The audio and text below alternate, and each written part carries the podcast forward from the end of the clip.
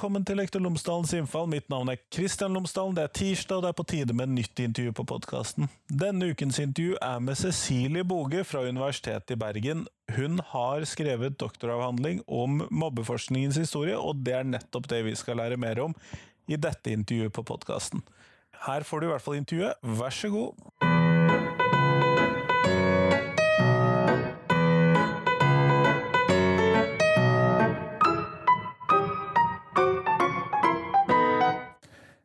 Cecilie Boge, tusen takk for at du har tatt tid til podkasten min i dag.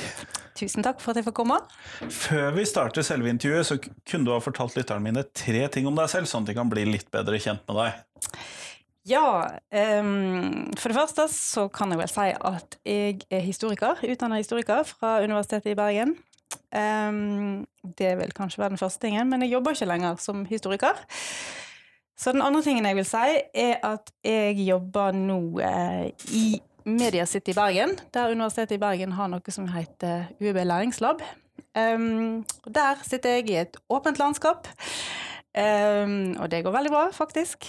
Um, og i, vi sitter der en haug med folk fra mange forskjellige plasser med flott tverrfaglig kompetanse. Der jobber vi uh, for å hjelpe de ansatte med å utvikle undervisningen sin, ta i bruk nye digitale verktøy, lage podkaster, eh, videoer, eh, forbedring av studieprogram Dere utvikler universitetet, rett og slett? Vi utvikler rett og slett ja, universitetet, først og fremst undervisningen, men òg litt på formidlingsfronten. Så der er det folk med bakgrunn fra mediebransjen, produsenter, vi har grafiker, fotograf, vi har folk som, er, som jobber med studiekvalitet, vi har folk som har IT-bakgrunn, vi har folk som jobber med videreutdanning for lærere, blant annet. Vi har folk som Ja, mange forskjellige bakgrunner. Spennende. Veldig spennende. Og den tredje tingen jeg vil si, er at jeg er veldig, veldig opptatt av studentenes læring. Og akkurat nå så leder jeg et prosjekt som vi har kalt for læringsdesign, som først og fremst handler om å utvikle gode undervisningsopplegg for studentene. Så blant annet så er jeg i gang med å prøve ut en metodikk for å utvikle og redesigne studieprogram, der vi blant annet har to pilot, piloter. Vi skal redesigne bachelorprogrammet i biologi og bachelorprogrammet i engelsk. Og det er veldig kjekt. Så da jobber jeg tett med, med undervisere, med studentene, og vi bruker lang tid, grundige prosesser, og får med oss alle. Det hørtes ut som et spennende tema for en senere podkast. Ja. Men i dag så skal vi rett og slett litt tilbake, og vi skal til når du var historiker. Mm. Fordi at du har forsket på mobbeforskningens historie. Ja. Og da må jeg rett og slett spørre, kan du tegne et litt større bilde av denne historien Mm. for oss? Mm. Fordi at her kan jeg se for meg at det har skjedd noe i løpet av fra man anerkjente at dette var et fenomen, og til i dag. Absolutt. Absolutt. Um, mobbing er jo Eller mobbeforskningen er jo interessant Veldig interessant, syns jeg, da. Selvsagt. Men av, som skolemenneske så syns jeg det også. Absolutt.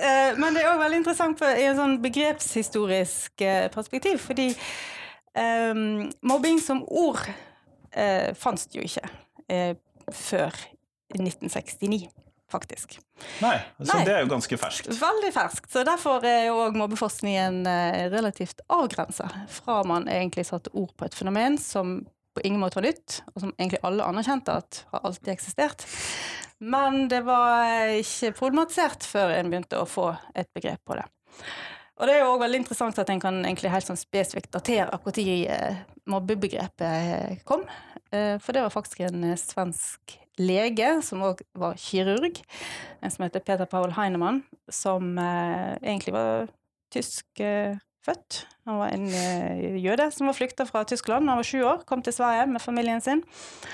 Um, og han, Heinemann han jobber som skolelege på en skole i Sverige.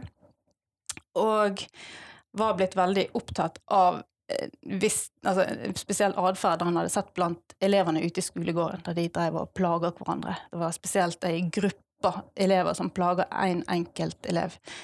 eh, som eh, av en eller annen grunn eh, ikke fikk lov til å være med i gruppa. Så han skrev en artikkel eh, i et tidsskrift som het Liberal debatt eh, i 1969, eh, der han skrev om dette fenomenet som han kalte for mob mobbing.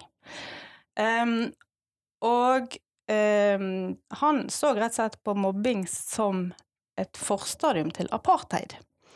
Uh, så ganske, Ja, ganske sterkt. Um, og uh, denne artikkelen ble da rett og slett plukka opp av Dagens Nyheter, som er en av de større riksavisene i Sverige. Og seint på høsten 69 så publiserte de en rekke artikler om dette nye ordet og dette nye Eller fenomenet, da, mobbing, som de ikke hadde hatt noe ord på tidligere. Og veldig interessant så um, fikk det veldig fort spredning i den svenske offentligheten. Så allerede på våren i 1970, altså bare et halvt år etter at ordet første gang ble publisert i denne artikkelen, så var mobbing et av nyordene i den svenske ordboka. Så, så det, det, traff åpenbart en nerve, det traff åpenbart et eller annet i samfunnet rundt eh, 1970. Det var et fenomen mange kunne kjenne seg igjen i, hører jeg jo da. Helt åpenbart. Um, så, så, det syns jeg jo er veldig interessant sånn, eh, sånn begrepshistorisk òg, da. Og så er det jo det at Eh, mobbing eh, var jo ikke noe vitenskapelig felt på det tidspunktet, åpenbart. Selv om eh, Peter Pahl Heinemann skrev eh, bøker eh, om mobbing. Han skrev ei bok som kom ut i 1972, men det var mer sånn hans tanker og ideer rundt dette eh, fenomenet. og det var jo da først når Dan Olveus, som var svensk psykolog, som dere alle sikkert kjenner til, han eh, hadde en eh, disputert på en avhandling om eh, aggresjon blant unge gutter i 1969. Og hadde da egentlig utvikla et metodeapparat for å undersøke denne aggresjonen blant gutter. Og det interessante er jo egentlig hvor kjapt Dan Olveus klarte å snu seg rundt og egentlig vri denne forskningen sin fra aggressive gutter til å kalle det for mobbeforskning. Eh, sånn at allerede i 1973 så ga han ut den første vitenskapelige studien om mobbing eh, i Sverige. Det er jo ganske kjapt hvis vi ser sånn vitenskapelig mm. sånn, fra flere forskjellige felt. Mm. Tre år fra man begrepet er der til ja. ja.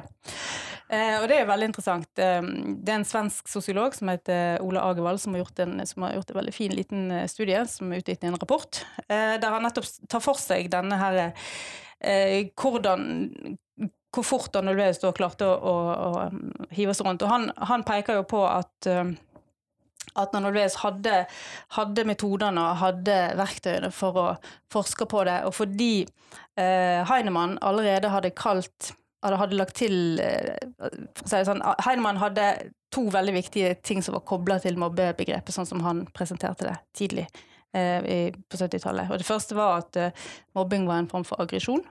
Og det andre var at eh, mobbing var noe som sprang ut av eh, det samtidige Sverige. Sånn, sånn type urbaniseringsproblem, eh, gjengmentalitet, eh, vold blant barn osv. Så, videre, så, så mange sånne moderne problematikker som ble kobla til mobbebegrepet eh, i den fasen.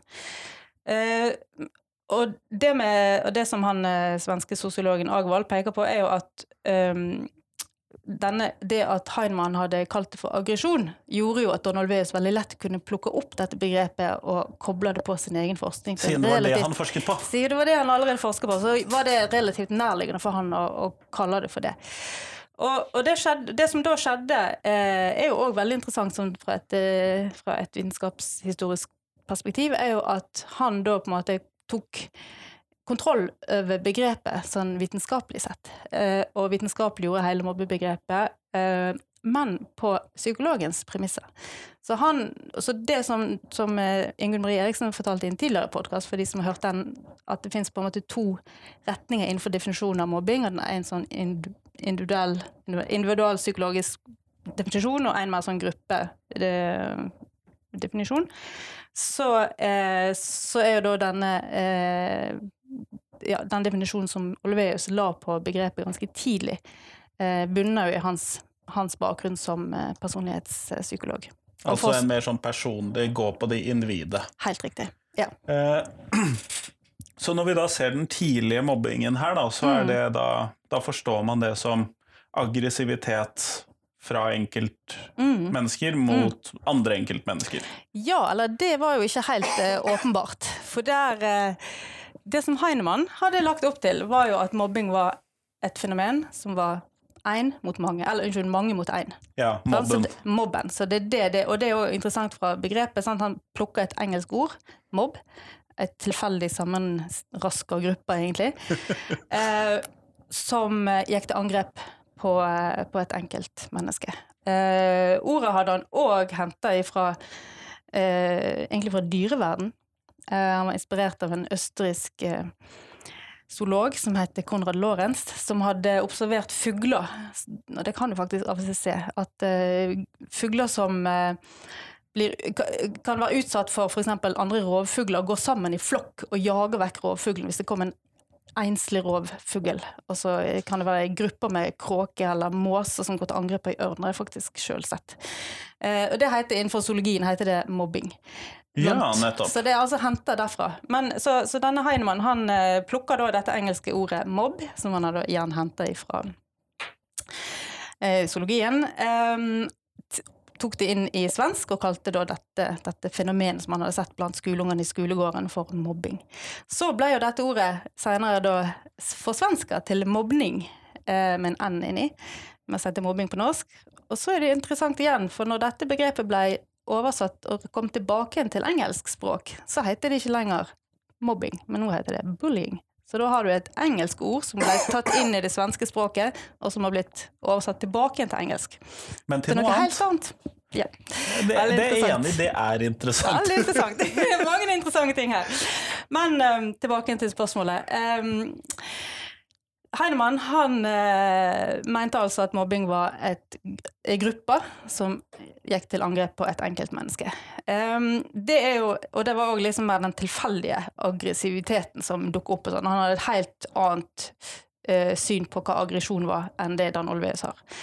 Eh, så når Dan Olveus kom på, på banen, så, hadde han, så var han ikke enig i eh, aggresjonsperspektivet til eh, Heinemann, som egentlig var ganske passé allerede den gang. Eh, eh, Daniel Veus la til grunn et helt annet aggresjonsperspektiv, en, eh, eller en annen eh, aggresjonsteori, og han var veldig opptatt av eh, stabilitet i aggresjon over tid. Og der, allerede der ser vi jo noe som har eh, kommet inn veldig tidlig i Olveus definisjon, er jo dette med gjentagelse over tid. Ja, det er jo noe som jeg også lærte når jeg gikk på Så barneskolen. det har vært noe som har hengt, i, hengt igjen i den, fra den definisjonen. Og det er jo da eh, vanskelig å ha ei gruppe som er aggressiv over tid, men det er noe man finner hos individet. Så individ, et individ kan være aggressiv over tid. Så da innførte Olveus et nytt eh, aspekt ved mobbingen, da, som var veldig forskjellig fra Heinemann sitt, nemlig én-til-én-mobbing.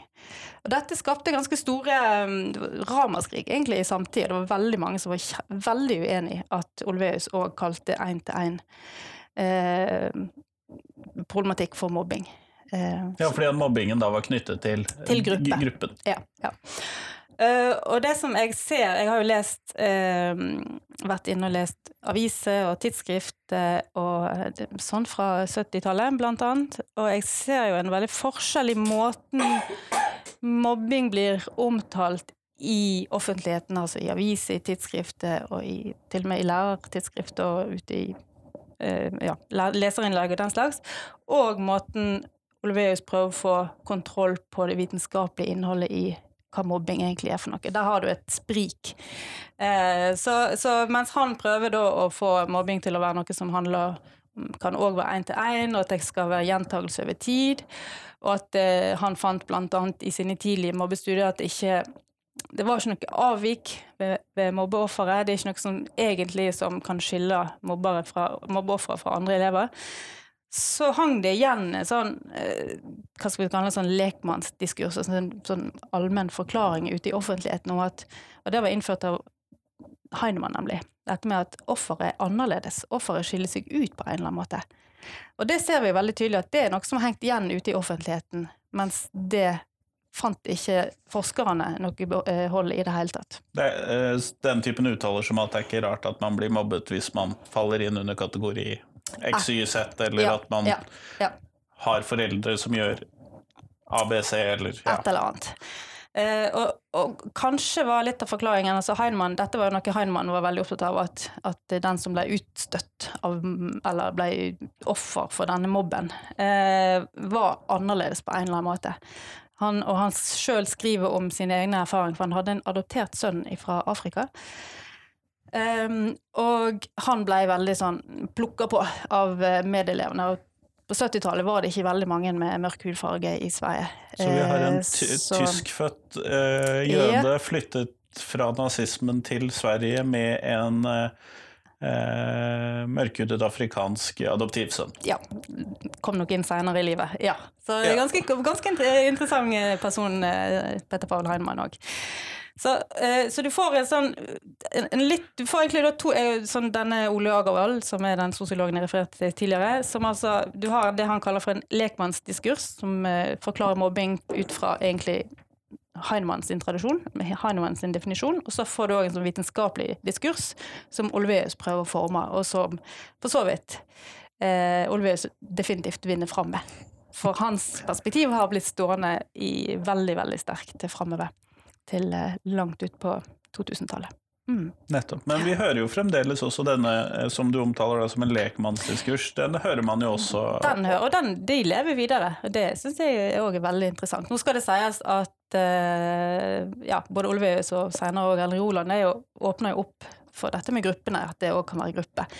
Eh, så, men men dette, med, dette med den annerledesheten er interessant, for den har hengt i helt fram til, ja, til den dag i dag, egentlig. Den dukker jo av og til opp, Mm. f.eks. i forbindelse med mm, kjønnsnøytral ekteskapslov, så lå jo den inne som en del av argumentasjonen hos enkelte Ja. mot kjønnsnøytrale ekteskap, Mm. ja. blant annet. Sånn at eh, Jeg syns jo det er interessant at det ikke har vært en del av den vitenskapelige forskningen.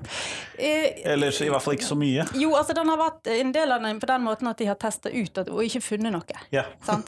Så det er jo det viktige. Men det som jeg tenker, eller det som vi har sett i litt sånn seinere forskning, og kanskje spesielt i svensk seinere forskning, er jo at eh, de legger på litt andre perspektiv og, og ser på f.eks. i teorier om den andre. Eller de andre.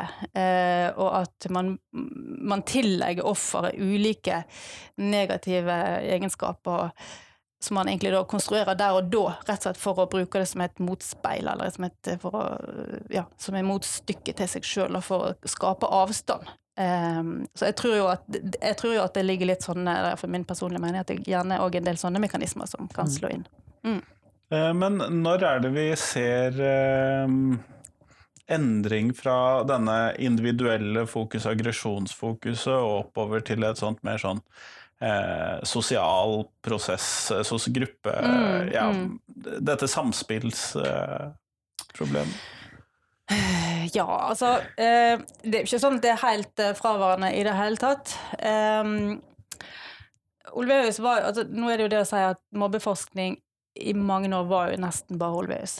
Og han har gjort en helt fenomenal og en helt enorm jobb med å grunnlegge et forskningsfelt, mer eller mindre på egen hånd. Så det skriver jeg jo litt om i, eh, i avhandlingen min, om hvordan hvordan han egentlig da klarer på egen hånd mer eller mindre å bygge eh, dette forskningsfeltet og få det ut i verden, ikke minst. Um, Og det er jo hans navn vi og Ja, det er jo hans navn vi hører, sant? så han blir jo ofte kalt for mobbeforskningens far. Um, og han kom, han fikk et professorat ved Universitetet i Bergen i 1972. Så han har jo hatt base i Bergen, så, og det er jo òg interessant fra, fra, fra, fra vårt perspektiv her ved UiB, at vi har en såpass stor eh, internasjonal eh, kapasitet eh, her. Um, og han fikk jo da eh, Ja, han, han, had, han fikk veldig fort egentlig posisjon som en av verdens ledende aggresjonsforskere, og det tror jeg var veldig viktig når han etter hvert òg begynte å publisere mer og mer på, forsk på, på mobbing. Så hadde han allerede et navn ute i verden. Uh, han var allerede kobla i viktige psykologinettverk. Han hadde kontakter, han reiste på konferanser, han publiserte enormt. Ja, han reiste veldig mye og, og publiserte enormt mye. Um, og så skjedde jo det uh, at i uh, 1982, høsten 1982, så var det uh, tre veldig unge gutter som tok sitt eget liv med det var tre helt forskjellige årsaker, men tre gutter i løpet av en høst som tok sitt eget liv i Tromsø. Dette ble slått veldig stort opp i avisene i Tromsø i romjula 1982, og på nyåret eh, i 83 så begynte det å bli en mer sånn mediestorm rundt denne, disse hendelsene. Og eh, ja, mange ulike forklaringer her, eller faktorer som spilte med, men uh, i alle fall så ble det um, til at det ble satt ned ei nasjonal handlingsgruppe som skulle se på mobbing, for det viste seg at dette var ikke bare isolert fra Tromsø, det hadde òg skjedd i Oslo, og det hadde vært sånn, ja, forskjellige ting. Men mobbing ble trukket inn som en forklaring på disse Mobbing ble, ble forklart som den bakenforliggende årsaken til de tre selvmordene i Tromsø, ja. Um, så det var det, det som var på en måte mediestormen rundt mobbing. Um, og da, da, ble jo selvsagt uh, Olveus eh, kalt inn, for han var jo uh, tross alt den store stjerna på feltet, og han bodde jo til og med i Norge, så det var jo veldig, veldig greit. Men så har vi òg Erling Roland som dukker opp. Uh, for han hadde akkurat den vinteren gitt ut ei bok om egentlig da strategier mot mobbing. Tiltak. Han hadde vel jobba som lærer det var i Strand kommune eller noe sånt, i Rogaland. Og hadde jobba eh, med PPT, tror jeg, eh, med diverse eh, utfordringer i skolen der han jobba. Så han hadde en del erfaringsbasert bok på hvordan man kan jobbe med, med, den type problematikk. Så de to ble satt inn i, i denne nasjonale handlingsgruppa, som, eh, som, var satt ned av eh, kunnskaps eller Kirke- og undervisningsdepartementet het det den gangen. Eh, og da ser vi jo at eh, i løpet av det året denne handlingsgruppa, de, eller aksjonsgruppa, eller hva, vi, hva de heter, de fikk i oppdrag å lage en kampanje mot mobbing. Og eh, de fikk i oppdrag, eller de lagde seg et oppdrag, får vi kanskje si, om å få lov til å, å undersøke omfanget av mobbing i grunnskolen i Norge. Og nå ser vi at i den, det, de fikk lagd seg et sånt uh, lærerhefte. Eh, og i, den, i det lærerheftet ser vi at gruppa òg kommer inn her, da. Eh, som, så, I tillegg til, eh, til individet. Så det er jo ikke bare individet hele tida. Så det blir på midten av 80-tallet vi først ser de sånn organiserte sånn mobbeundersøkelsene i norsk skole? da? Ja, og den første undersøkelsen da Den, den undersøkelsen ble gjort i Norge da i 1983. Um, det var rett og slett sannsynligvis verdens første landsdekkende undersøkelse av mobbing. Det er jo eh, ganske kult. Ganske kult. og trist ja. og en del ting. Og men... alt og det. Eh, men interessant, i, alle fall, for å si det sånn. Eh, og den undersøkelsen var jo ikke sånn at det var ikke absolutt alle skoler som var med, for det var sånn trekte ut en del skoler, men det var hele landet var dekka inn. Og det var Dan Olvøy som var ansvarlig for undersøkelsen og for spørsmålene og for analysene av eh, svarene. Og, og, det viste jo seg da, eh, når svarene var klare eh, et par år senere, at det var ganske høye tall. Veldig, veldig mye høyere tall enn en hadde trodd. Eh, Olveus hadde gjort en undersøkelse tidligere i Sverige som viste at eh, ja, rundt 10-15 av elevene var innblanda i mobbing på en eller annen måte. Og en trodde jo at Norge var mye bedre. Og så viste det seg at det var omtrent helt likt i, i Norge. Eh, så det ble jo en ganske sånn eh, stor ståhei, nødvendigvis, heldigvis, eh, rundt disse høye, høye tallene her. Uh, og så er det jo det interessante som jeg syns For dette blir jo da et veiskille for, hva retning mobbeforskningen tar rest etterpå det. Uh, for det som skjer da, er jo at uh, både Olveus og Roland har jo da Først og fremst, I første rekke er det da Olveus som på bakgrunn av alt dette datamaterialet han sitter på, eh, utvikla et tiltaksprogram mot mobbing. Hadde, det hadde de for så vidt òg gjort i forbindelse med denne kampanjen eh, i 1983. Det var også, eh, Roland var med på det. Og etter hvert så, så blir jo dette videreutvikla til eh, Olveus-programmet. Eh, og eh, så, så, så, litt av det jeg om, skriver om i avhandlingen, er jo hvordan hvordan eh, politikerne sine interesser, hvordan forskerne sine interesser, og hvordan disse tiltaksprogrammene egentlig henger ganske sammenfletta. Eh, og hvordan mobbeforskningen er, er veldig sånn innfiltra i, i denne trekanten, da, for å si det sånn. Seinere så får jo òg Roland oppdrag eh, av å gjøre eh, jobbe nasjonalt med å utvikle tiltaksprogram som etter hvert blir til Zero-programmet. Eh, så de jobber veldig tett med myndighetene, de jobber veldig tett med, med ja, politikere på ulike nivå, eh, som igjen da er med å anbefale programmene til, til skolene. Så her sitter de på mange sider av bordet. de gjør jo det, da, men det er jo også litt spesielt. Selv om jeg må innrømme at jeg har klart å komme meg gjennom PED-en, så har jeg ikke fått med meg at mobbeforskningen har vært så konsentrert til Skandinavia Eller utspringet for mobbeforskningen mm. har vært så konsentrert til eh, Skandinavia. Mm. Det har jeg ikke klart å få med meg på Nei. den tiden. Nei. Da, det har det. Og det er jo eh, rett og slett eh, veldig, veldig kjekt. eh, men eh, tidlig, tidlig, allerede på 80 altså Olve som sagt hadde jo masse, masse kanaler, så han publiserte jo internasjonalt fra, fra veldig, veldig tidlig av og spredde med det eh, forskningen sin. Eh, men òg Det var den første, mest sannsynlig den første internasjonale konferansen om mobbing ble, ble rett og slett arrangert i Stavanger i 1987 eh, av Erling Roland.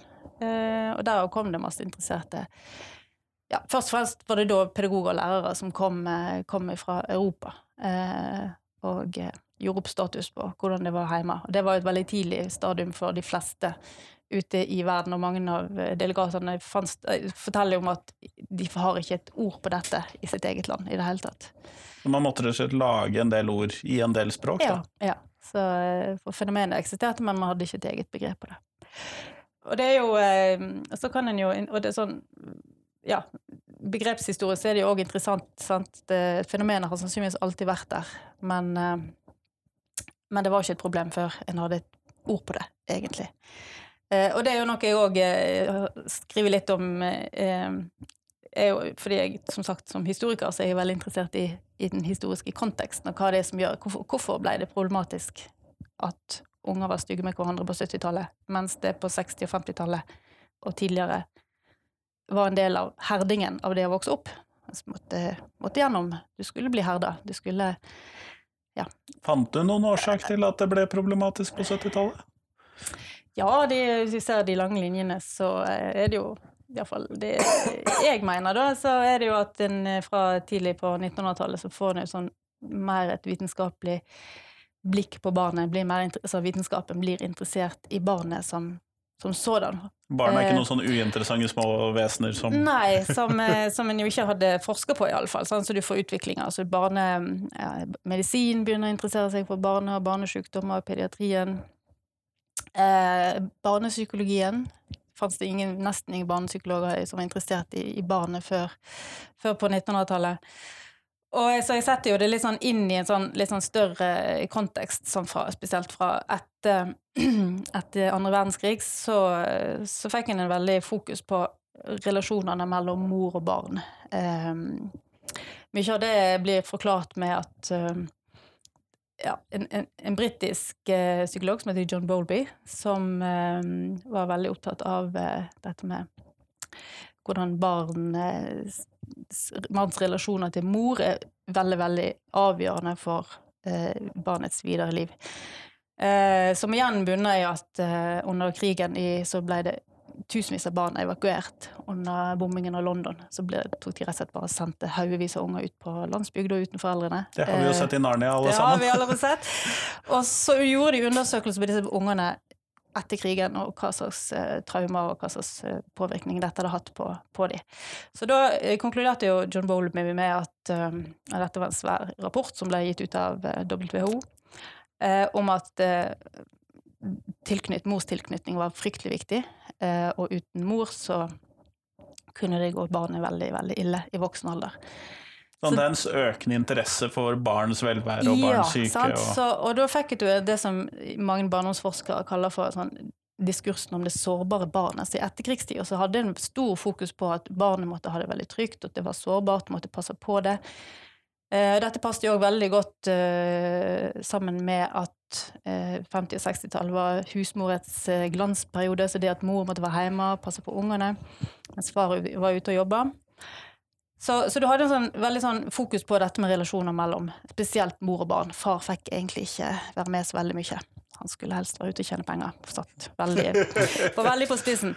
Eh, så, så, er det jo sånn at eh, utover på, mot når vi nærmer oss 70-tallet, så, så, begynner dette å sånn, slå litt sprekker. Far får begynne å få litt større plass. De begynner å tenke, psykologene begynner, Barnepsykologene blir mer opptatt av at ja, kanskje barnet tåler litt mer enn vi trodde.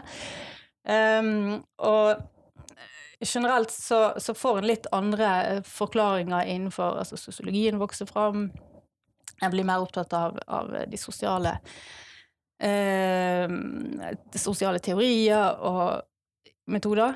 Og i det hele tatt eh, Samtidig så vi ser altså at, at, det skjer mange endringer i skolevesenet. Vi får innføringen av niårig enhetsskole. Eh, det kommer inn nye undervisningsmetoder, gruppearbeid på 70-tallet. Sånn, så ungene relasjoner mellom barn blir mer synlige på mange måter. Um, og, og, man bryr seg om dem. Og man begynner å bry seg om dem. Så, så, så den eh, ei svensk eh, idéhistoriker som heter Anna Larsson, har jo gjort en par undersøkelser i Sverige der hun akkurat så på hvordan i det øyeblikket ordet mobbing kom, så ble en òg veldig veldig oppmerksom på relasjoner mellom barn. Sånn at det at vi bare fikk et begrep på det, gjorde at disse relasjonene ble mye mer synlige, rett og slett. Så da ble det problematisert i tidsskrift og i aviser og, og sånt. Eh, så det syns jeg er interessant, og hvordan Hvis vi setter det inn i litt sånn større, større linjer. Mm. Absolutt, og de større linjene er jo kanskje nødvendige når det er snakk om et begrep som da i prinsippet har 50 års historie. Ja, eh, sant. Veldig eh. For det er jo 50 år i år. Det er helt sant. ja, eh, det er faktisk helt sant. Så det syns jeg var litt gøy å tenke på, for det var ikke planlagt. Jeg spurte deg om du nei, kunne være med her. ja da. Nei, så um, Og så er det jo da, sant, hvis du da virkelig trekker de, de lange linjene, så tenker jeg jo òg at uh, ja, det som vi ser på slutten av 70-tallet, i Norge iallfall, så er jo det òg at, at um, at det problematiske skolemiljøet blir veldig, veldig eh, tematisert i norsk offentlighet. Og skolen blir eh, en arena for eh, politikk. Høyre spesielt på slutten av 70-tallet.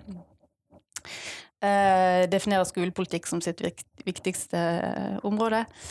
Eh, så, så, hele dette med at, at, skolen og det problematiske med, med, med vold i skolen, at det, det, å være lærer var farlig, det var vanskelig, det var utfordrende Det berer liksom grunnen for at, at mobbing kunne bli en såpass stor sak, eh, og at, at politikerne hever det opp på det nivået når disse selvmordssakene eksploderte i media i 1983. da. Så, så, så, så hele tida da har du den eh, sånn koblingen mellom, mellom politikken eh, og vitenskapen, som egentlig da eh, setter seg på 80-tallet utover. Eh, og som egentlig har vært veldig viktig egentlig for, ja, for utviklingen av både Olveus-programmet og eh, Zero og Atferdssenteret sitt arbeid i Stavanger etter hvert. Så mm, ja. Mm. Kjempeflott. Vi går mot slutten av eh, podkasten. Og da har jeg selvfølgelig et fast spørsmål til deg som jeg stiller til alle de jeg intervjuer. Uh, og da er jo spørsmålet, uh, hvis du fikk velge, hva skal ut av skolen? Ja, nå er jo ikke jeg jeg har ikke så mye De beste svarene kommer ofte ja, fra mennesker som ikke, ikke, aktivt jobber i skolen. Nettopp. Da. Så da er det mitt inntrykk som utenforstående er jo at eller det er kanskje to ting jeg tenker på. Og det ene er at jeg har jo inntrykk av at vi, det er veldig mye rapportering.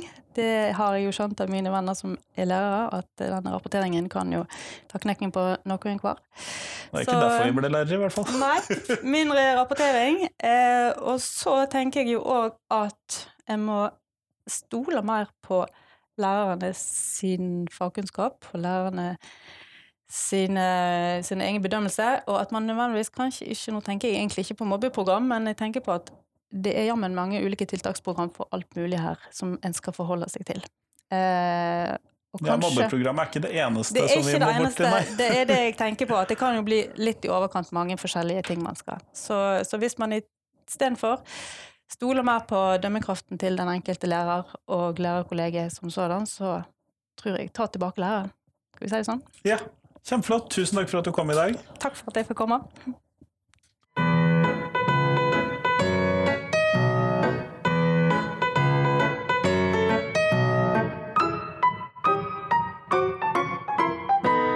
Tusen takk til Cecilie, og tusen takk til deg som hørte på. Nå håper jeg vi alle har blitt litt klokere på dette med mobbeforskningens historie, men da lurer jeg på hvem bør jeg snakke om snakke med om mobbeforskning i dag? Hvem er det du tenker at jeg bør ha med på podkasten som kan være nyttig om hvordan situasjonen er både i skolen, i forskningen osv. i dag? Jeg har jo hatt noen intervjuer om det tidligere, men jeg trenger oppdatert informasjon, enda nyere informasjon, kanskje noen andre perspektiver og vinklinger. Send meg gjerne et tips om det. Men i hvert fall, om en uke så kommer det et nytt intervju på podkasten. Jeg håper at du har det kjempefint, og at du får en fin uke fram til da. Hei, hei!